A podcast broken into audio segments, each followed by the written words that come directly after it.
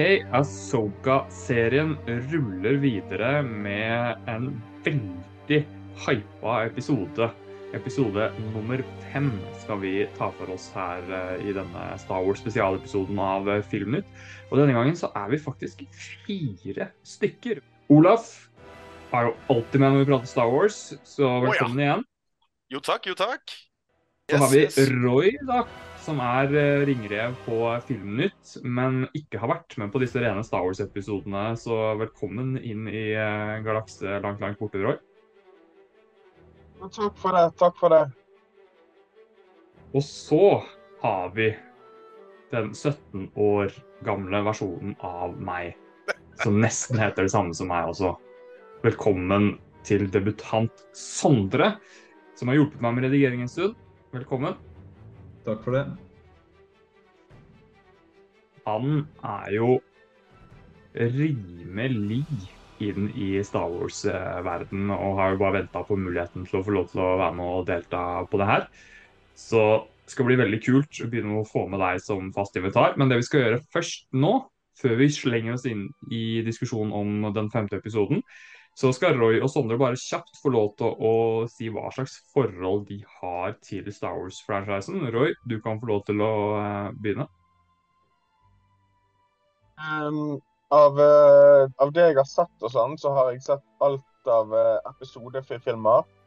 Jeg har sett uh, solofilmen og uh, alt av uh, serier på, på Disney Pluss. Eller det som var liksom originalt lagd for Disney Pluss, da.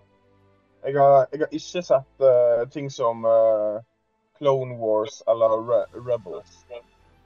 Mm. Så da har du litt mindre sånn kjøtt på beinet til den serien her enn det vi tre andre hadde. da, sånn eh, Jeg har sett kanskje halvparten, halvparten av Rebels og et par sesonger, de mest essensielle episodene av, av Clone Wars.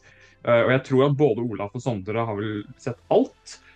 Og Sondre, du har jo et rimelig, eh, rimelig nært forhold til hele franchisen, og du var jo på Star Wars Celebration eh, sammen med meg til og med i, i London tidligere i år. Så fortell oss litt om hvordan reisen din inn i Star Wars-verdenen starta. Nei, det starta med at jeg så alle filmene, og så gikk Clone Wars på Cartoon Network, og det er jo da min Star Wars, da. Mm. Så det har hjulpet kanskje med denne Soka-serien, da, at eh, at jeg er så glad i Clone Wars, og at det er Dave Filoni som har lagd dette. Ikke sant? Og det er jo da Denne episoden vi skal snakke om nå, er jo da laget for deg. Eller de som har det perspektivet på, på Star Wars som det du har. Det er jo midt i blinken. Sånn at det er veldig naturlig da at kanskje Roy ikke er like entusiastisk for denne episoden her som, som andre. Men vi får se da hva, hva han uh, syns. Uh, men uh, sånn, sånn utenom det, Sondre, du har også, vokst opp med filmene og, og animasjonsserien. Sånn. Hva, hva, er det du har, hva slags forhold er det du har til det litt nyere av, av Star Wars nå, det som har kommet da etter at Disney kjøpte opp? Nei, det er veldig, er veldig opp og ned. Ikke sant? Det er veldig opp og ned, og det er jo øh, veldig naturlig at det blir sånn når man øh, lager øh, såpass mye på, på veldig kort tid. Eh, og, og det virker jo sånn da at eh, ut fra det jeg prata med deg om tidligere, og veldig mange andre fans, at eh, generelt en sånn mer sånn positiv vibe blant Star Wars-fans til mye av det som har kommet på Disney pluss, enn til filmene som Disney har uh, produsert. da. Så, men du, du er i hvert fall blant de fansene, som, altså de, alle de jeg har prata med, da, som er veldig sånn du, du, Det er veldig lett å snakke med deg om Star Wars, selv om man er veldig uenig. Uh, og det, det er veldig deilig. Det er liksom det man trenger mer av. sånn at det, Skal man være en del av det vi driver med, så må man virkelig kunne klare å, å være uenig uten at det blir noe dårlig stemning. men Heller bare tulle og mobbe hverandre litt, sånn som jeg ofte gjør med, med, med Roy, som ikke klarer å eh, skjønne hvor bra The Dark Knight Rises er. Og det, ja. Så det, det kommer jeg ikke til å stoppe med, men, eh, men det er en del av, en del av greia. Men nå driver jeg og sklir ut og lager en altfor lang intro her, så jeg tenker at vi bare kaster oss inn i diskusjon om episode fem av Soka, The Shadow Warrior. Og uh, Olaf, siden du skal få lov til å prate mest mulig fremover nå, så bare lar jeg deg ta over, og du kan få lov til å bare sette i gang og spy ut all entusiasmen jeg veit at du sitter inne med for denne episoden. Å ja. Uh, jeg har ledd, jeg har grini, jeg har heia uh, etter å ha sett denne episoden her. Uh, dette er jo Kanskje vi skulle tatt den spoiler-warningen med en gang, hvis det er noen som ikke har sett den Ja, dette her blir full spoiler, og det kommer til å stå i overskriften også, men det er greit at du sier Olaf. Det er. Tviler sterkt på at noen, noen som er interessert, ikke har sett den ennå. Uh, men ja, nei, dette var jo en episode som uh, Som uh, var hypa veldig, veldig, veldig for min del. Eh, jeg hadde, i motsetning til Sindre, ikke fått med meg at Hayden Christensen skulle være med. I forrige episode, på slutten av forrige episode, så jeg fikk meg en støkk som det holdt, og jeg gleda meg veldig stort til denne her. Uh, og da er det jo uh, Dette er jo en, uh, en episode som på veldig mange måter ikke, ikke flytter plottet framover noe særlig. Egentlig. Litt grann på slutten. Og dette handler jo om, var jo mer om uh,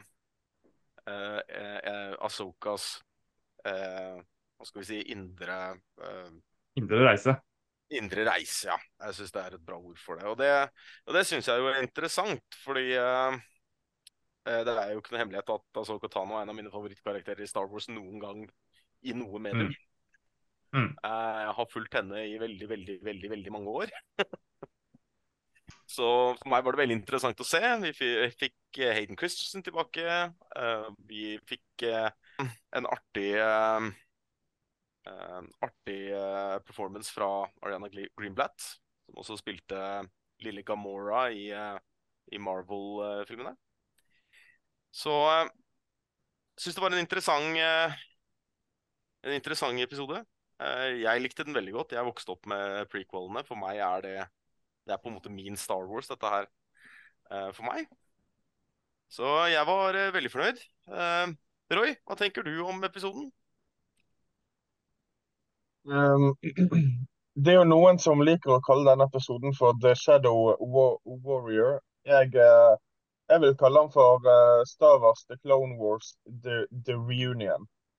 Um, jeg, tror, jeg tror at de aller fleste kommer til å ha nostalgisk verdi hvis de har sett Clone Wars eller Re Rebels. Jeg, jeg, jeg, vet jo ikke hvor, hvor det her tar, tar, tar, opp tråden fra. Men uh, vi, vi, hvis du har sett de seriene som Ashoka er med fra, fra før, da, så, så, tror jeg at, at det her har en mye høyere verdi enn hvis Ashoka er første serien som du ser på en måte med, med hun. Mm. Jeg, tror, jeg, tror, nok at jeg tror nok at du, Roy, du peker på noe veldig viktig her, da. Og det er jo at jeg tror ikke uh, den episoden treffer så godt, med mindre man har sett uh, det andre Dave Filoni har gjort før The Mandalorian og dette. Det er jeg enig i. Jeg tror nok det er, uh, er noe å si der. Mm. Uh, skal jeg si at jeg, altså, For min del, jeg har jo sett noe av Clone Wars. Men jeg har sett veldig lite av den delen som handler mye om relasjonen mellom Anakin og Asoka. Mm. Uh, og, og, jeg likte veldig godt det her fra to andre perspektiver. Og det ene er eh, Hayden Christensen som Anakin komme tilbake. Både fordi jeg har det kjærlighetsforholdet jeg har til prequel-filmene, men også fordi at han fortjener mer kjærlighet og fortjener å bevise seg fra en enda bedre side. Og det syns jeg han gjorde her. Så bare det at den karakteren var tilbake på den måten eh, Ikke bare skuespilleren, men også karakteren, fordi det er et eller annet med å se Jeg fikk nesten en litt sånn derre det, det, det var, noe som var veldig godt med å se Anakin snill igjen etter at han har vært slem. Ikke sant? Etter at man vet alt det, alle de opplevelsene han har hatt, og det man har opplevd med den skuespilleren som den karakteren.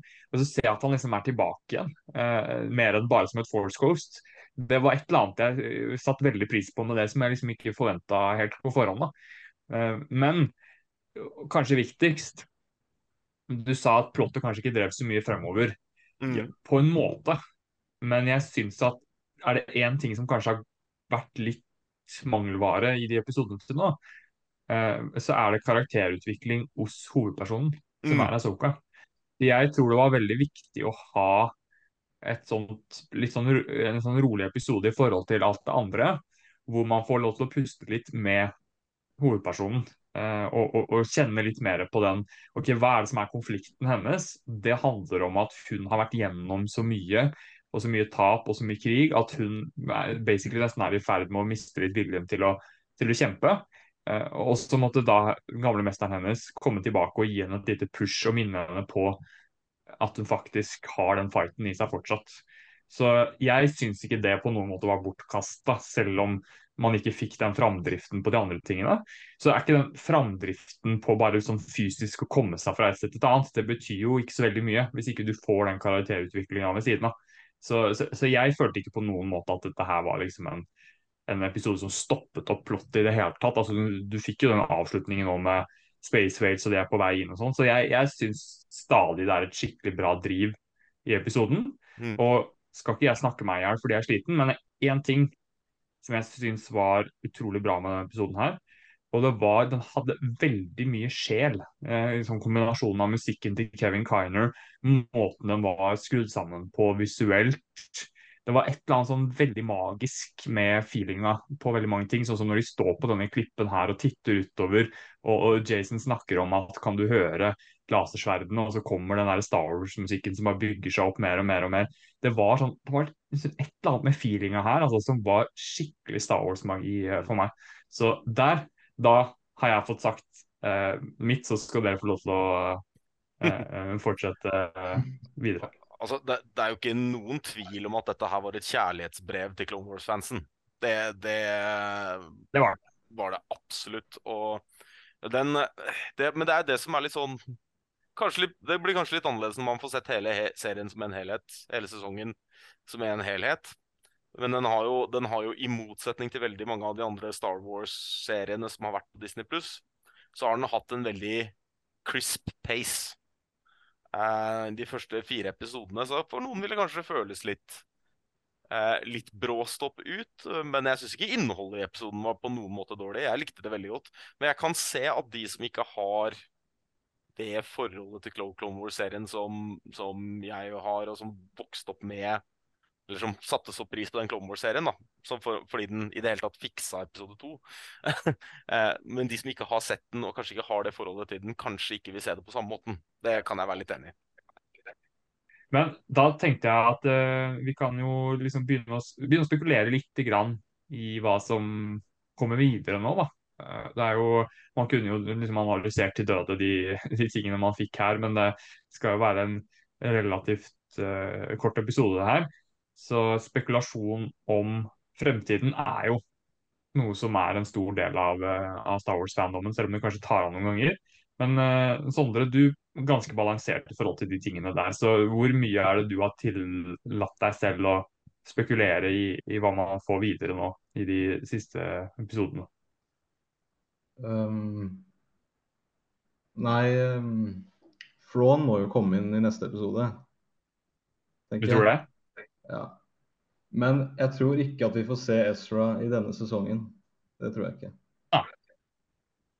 Hvis det blir en sesong Jeg, to, jeg, ja, det blir jo det. Jeg, jeg, jeg har tippa at Trond kommer i de to siste episodene. Det er, det er min spådom. Ja. Med deg, Olaf? Nei, Vi altså, har snakket har, litt om det før. Ja, altså, jeg har jo, jeg har jo snoka lite grann, jeg, da. Um, okay. på, på IMDb. um, men um, det står det at han er med i to episoder. Og den ene har han jo To? vært med i. Ja. Og der, men han har jo allerede vært med i den ene. Som Mm. uh, hologram. Ja, ok. Så Men det er ikke alltid IMDb har riktig på de tingene der, da. Nei, men det er det beste jeg har i forhold til spekulasjoner. Ja, så jeg ville jo tro at han Enten at vi får se han Kanskje vi får se han hele siste episode. Kanskje vi får se han helt på slutten av siste episoden. Kanskje vi bare får han som et hologram igjen. Um, Men vi har jo sett i traileren at man ser han in, in the flesh. Det har Ja, vi. og Da tipper jeg at det blir enten siste episode eller helt på slutten av siste episode, tenker jeg. Um, og sånn vil jeg tro. Og jeg um, Det spørs jo nå, da, hva som skjer videre. Eh, igjen, jeg trekker alltid tilbake på ned på hvor mye av uh, Throne-trilogien de har bestemt seg for å bruke. han var jo veldig Throne var jo veldig annerledes i, i Rebels enn han var i bøkene til Timothy Zahn. så det skal bli interessant å se på en måte hva de legger seg opp på. Foreløpig syns jeg fortsatt det er mer eller mindre like åpent som da forrige gang vi snakka om det, uh, egentlig. Uh, før vi liksom får se hva, hva som skjer uh, i denne andre galaksen de skal til. Um, mm. ent, enten om Enten om Thrawn kommer tilbake til den vi har vært i, eller om resten av eventyret kommer til å foregå i den nye galaksen, eller hva som skjer der. det er egentlig et åpent spørsmål så langt. Så det blir interessant ja. å se. Ja, sånn sett så blir jo faktisk neste episode fryktelig spennende. Da, fordi nå går man jo inn i fullstendig uncharted territory i uh, Star Wars-verden. fordi ja. det er jo basically en helt ny verden, altså en helt ny galakse, ja. som man ikke har noe input om fra, fra tidligere. ikke sant? Men som du sier, altså er jo liksom disse bøkene som de kan velge å trekke inn veldig mye fra, men det må jo ikke gjøre det. Og, og man aner ikke hvor mye av det de kommer til å bruke. Så her er det carte blanche eh, og, og, veldig og frie tøyler. Da. Og, det er litt deilig. Det, det, blir spennende å se hva ja, de gjør med det. Og Bøkene til Timothy Zahn hadde jo ingenting med en annen galakse å gjøre, så hvis de velger å ta noe mer fra Legends, eller om de bare går helt all out chart blanche, det blir veldig, veldig spennende. Eh, for det kommer jo også an på hva de hva, hva, hva Filoni vil med dette mm. her å introdusere en ny galakse. Er dette noe som kommer til å være en, en slags engangsgreie?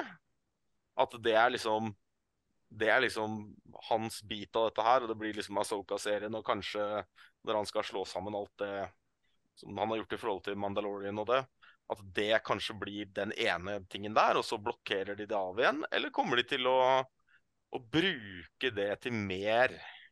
Uh, det, det, det, er et åpent spørsmål. Et spørsmål ja, jeg gleder meg jeg, jeg håper det, jeg òg. Eh, men det skal jo sies at nå Star Wars har, spesielt i Legends, har beveget seg ut av vår egen galakse.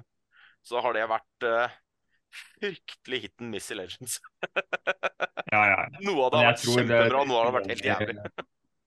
ja, jeg stoler på at han vet hva han gjør, altså, i forhold til det. men jeg, jeg tenker at så lenge de har åpna for den andre galaksen, og at man får se noe av hva som foregår der, så vil det vil liksom ligge der som en mulighet. Så det betyr jo ikke at de må bruke den til så fryktelig mye sånn med en gang. Nei, Men da har man den som en mulighet til å utvikle andre ting. Da. Mm. Uh, men uh, jeg føler jo at Dave Filoni har jo, har jo gjort en kjempejobb med å expande Star Wars-mytologien med å introdusere konsepter som er ganske ballsy. Eh, både World Between Worlds og dette med en helt annen galakse. Sånn at han, han er jo Han klarer å følge opp i ånden til George Lucas med å ikke være redd for å uh, utvikle og gjøre ting uh, som kan åpne opp for veldig mange nye elementer. Uh, og, Det er ikke sikkert at det alltid funker, men hvis ikke du har noen inni deg som tør å gjøre det, så blir Star Wars veldig stillestående. Da blir det litt sånn uh, repetisjon på repetisjon og omasj til tidligere ting. og sånn. sånn Force Awakens var veldig fin som et sånn engangstilfelle, men hvis det blir for mye av det hvor man bare skal lage ting som er bra, men som ligner på mye av det man har hatt før, så kommer jo Star Wars til å bli utvanna veldig veldig fort. I hvert fall når du skal lage, liksom, komme ut med to, tre, fire nye ting hvert år. Uh, sånn at da, og da må man bare akseptere at det er ikke alle de ideene de slenger inn som kommer til å funke, tenker jeg. Men, Helt klart. Eh, Helt klart. Hva, hva, for å liksom ikke overspekulere, så, så, tenker jeg altså Vi kan spekulere litt rundt det òg, men hva, hva syns dere Sondre, om eh, at de nå igjen bruker, eller viser, da, dette med eh, World Between Worlds? Og, og liksom, Betyr det noe at de viser det nå, eller er det bare sånn omasj på en måte til at man har hatt det tidligere, og at det er relevant for Asoka?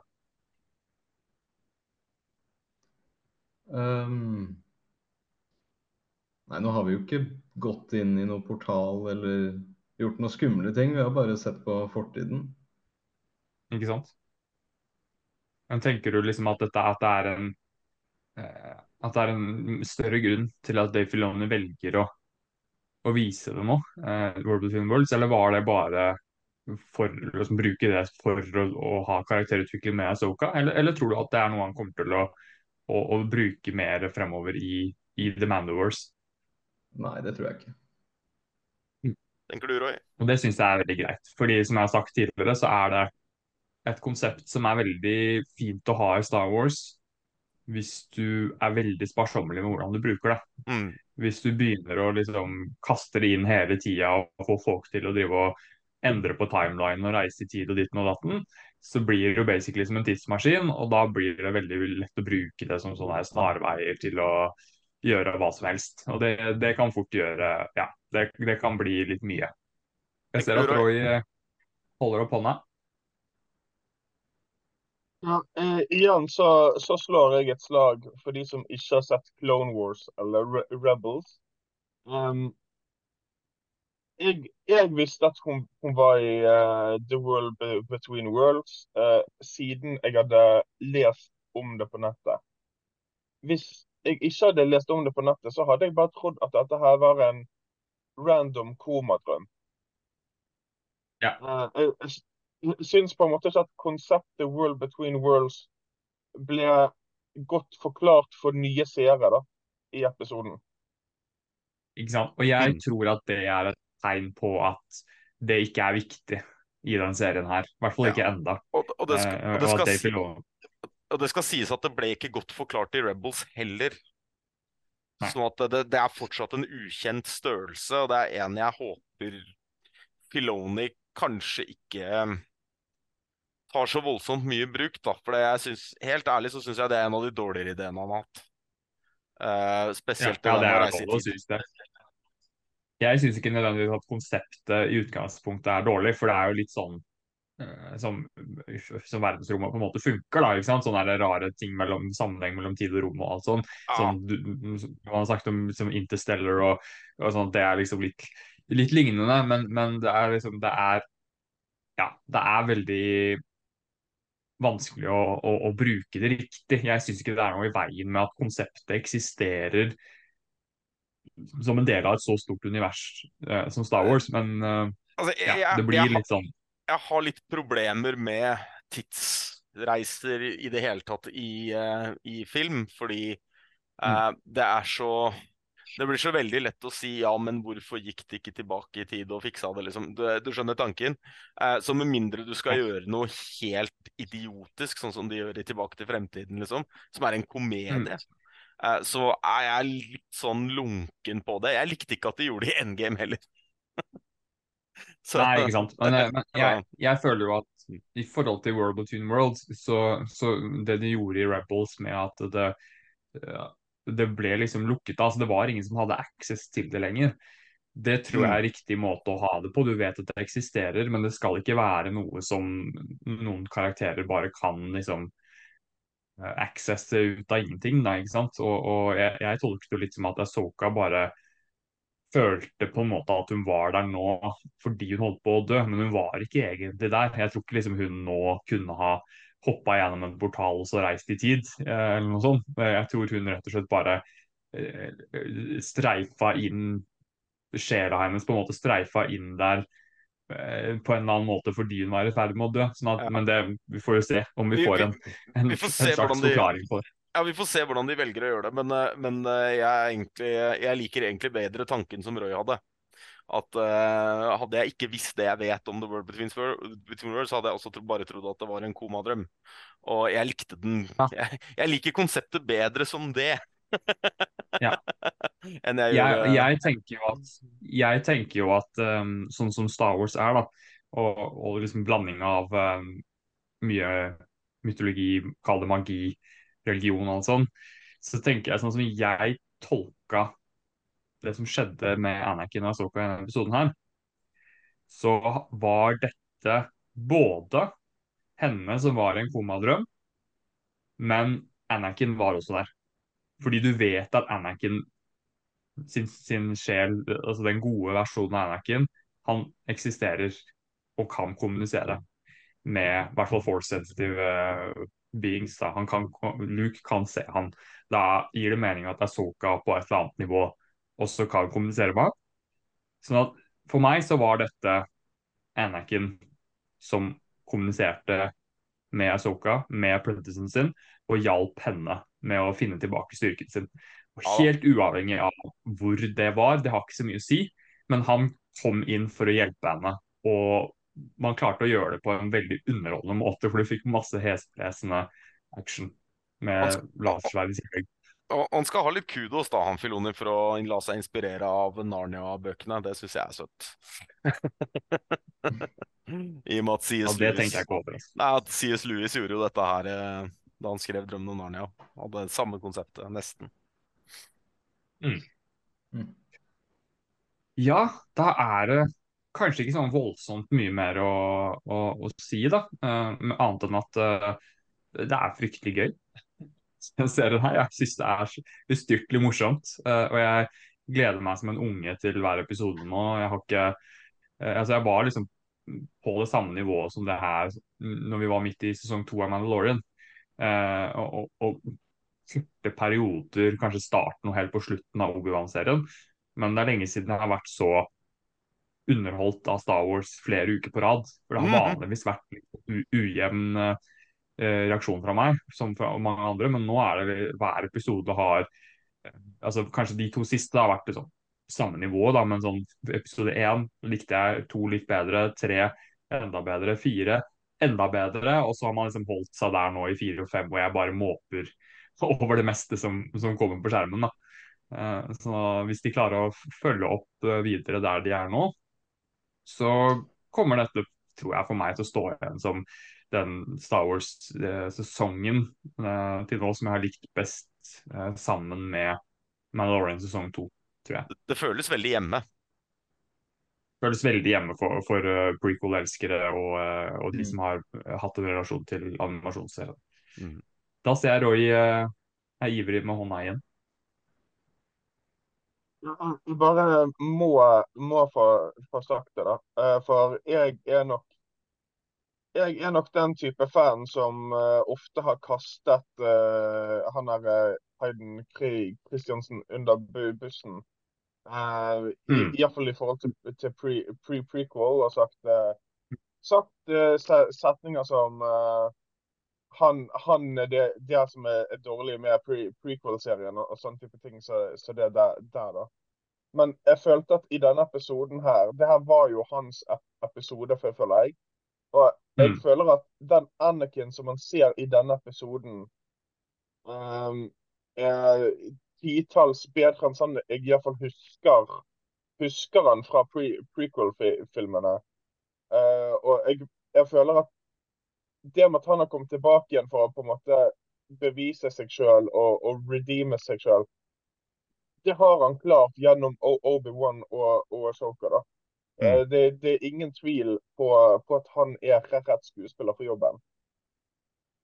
Ikke sant? Og jeg, jeg, tror, jeg tror at mye av greia ligger i at uh, de, George Lucas har en veldig spesiell måte å lage film på, og han er ikke en god regissør-skuespiller.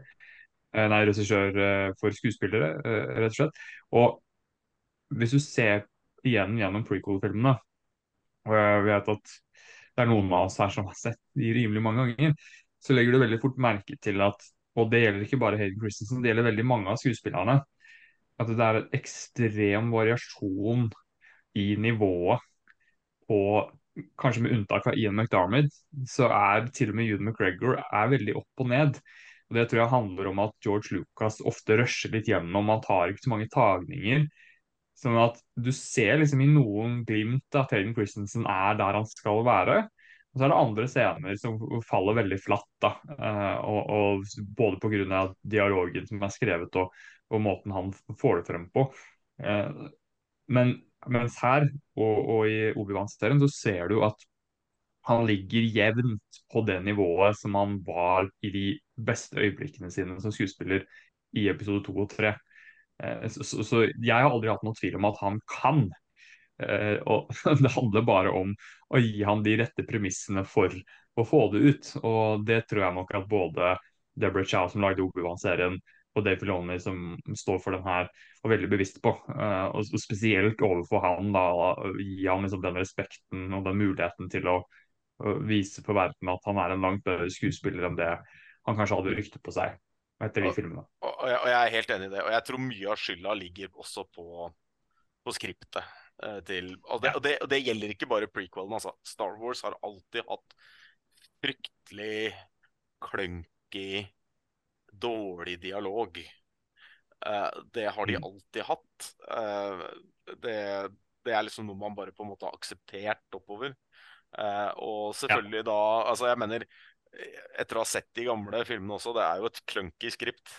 Sånn at jeg, jeg, jeg, jeg er veldig glad for at, at han fikk et skript som var bedre skrevet nå, og at han fikk de tok sikkert flere tagninger enn det George Lucas ville gjort for å få det til å sitte.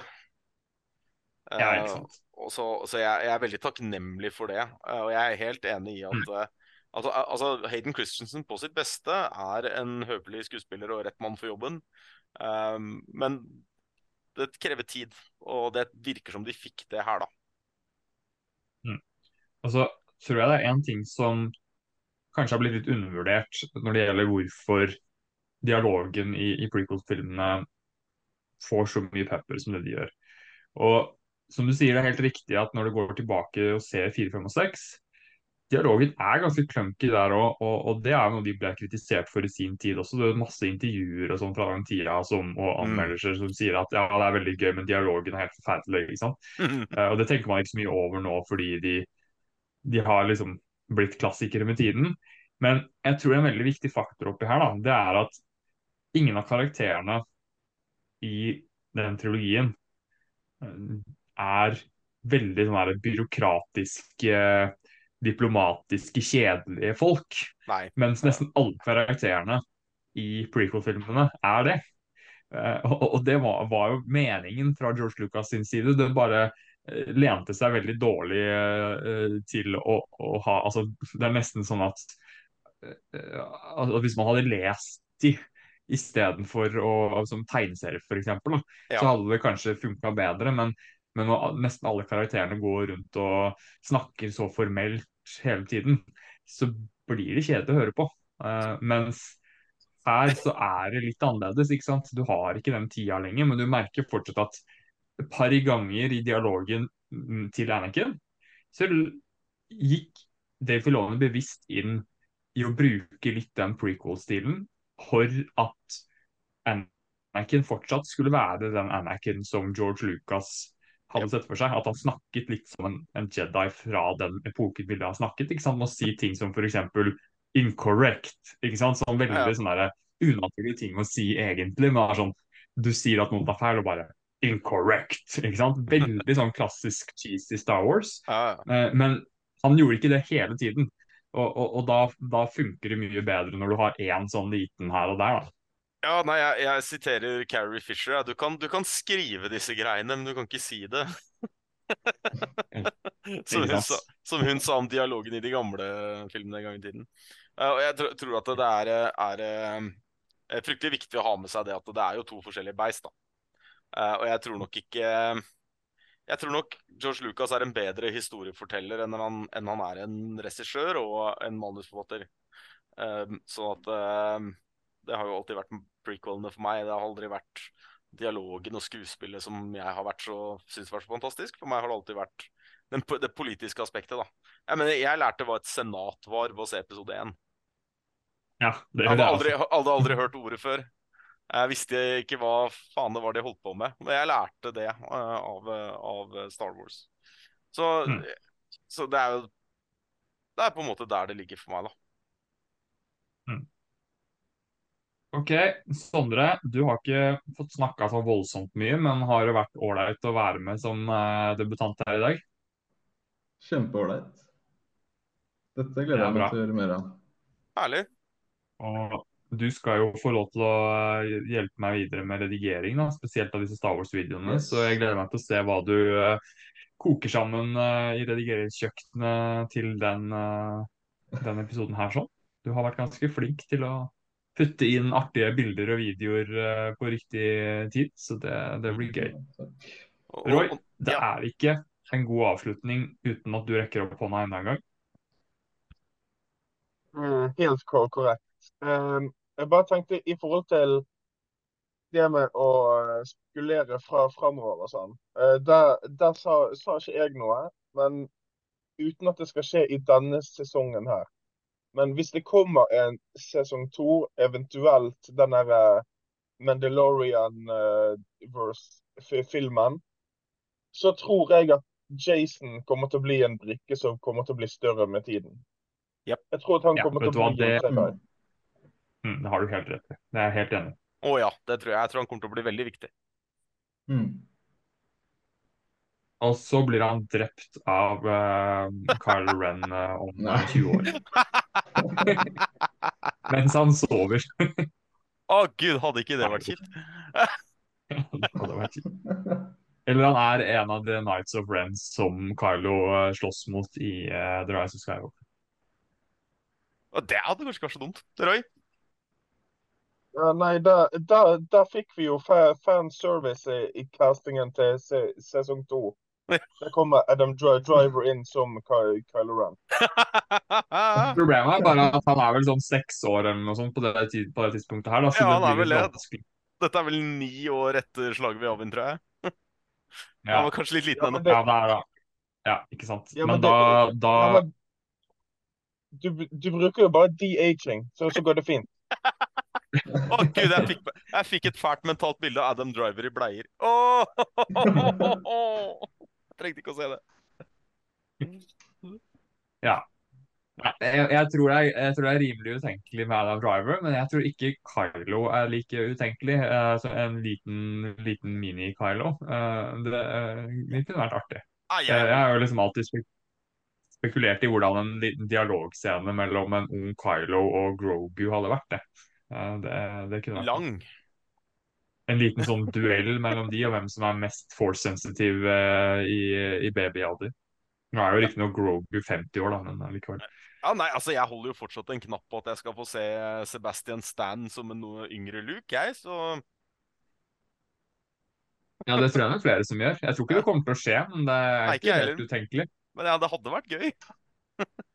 Ja, I og med at de lener seg så hardt inn i de her eh, deepfake, de-aging-greiene og sånn, så tror jeg nok at det er den veien de, de går. altså. Det verste er jo at det begynner å bli bra. Det er jo Ja, altså, Jeg lurer nesten litt på om de gjorde det dårlig med vilje i slutten av forrige episode. fordi i denne episoden her så så det jo skikkelig bra ut. Men det var vel noen perioder hvor de nesten bare brukte Hayden også, uten Ja. å gjøre så veldig mye. Han ser ikke så gammel ut, liksom. Så Nei da. All right. Da ser jeg tiden begynner å renne ut her, så jeg tenker vi bare slutter der for i dag, selv om vi kunne sittet her til i morgen. Og vi kommer jo da til å ha en ny runde med Filmnytt eh, til helgen. Eh, da ser jeg i hvert fall eh, Roy igjen, vet jeg.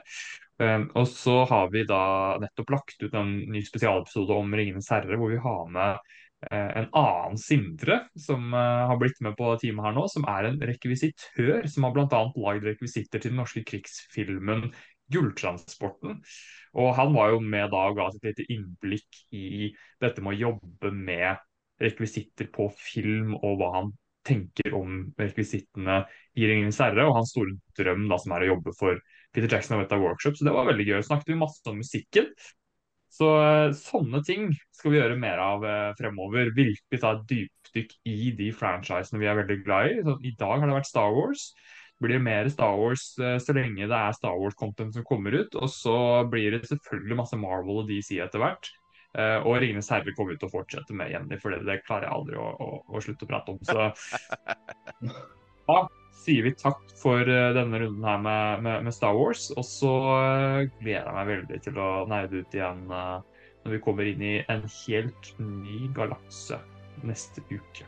oh yes. Da sier jeg takk til Yes. debutant Sondre, Takk. Da til eh, Star Wars-ringere Olaf, Oh yes. og takk til debutant i Star Wars spesialepisoden, Roy Madsson, som kanskje også får uh, dra med seg sin bror Remi på en Star Wars-episode en gang, som også er veldig Star Wars-elsker, får man si. I hvert fall, i hvert fall Kanskje ikke sammenlignet med Sondre og, og Olaf, men uh, absolutt nok til å være med. Det er få som har eh, kombinasjonen av eh, nerdete personlighet og altfor mye fritid, vet du. da går det sånn, ut, og Da leser man alltid Legends og ser alle tegneseriene på TV. Yes. OK. Takk for i dag, gutta. Det her var kjempehyggelig som alltid. Ha det bra. Ha det. Ja.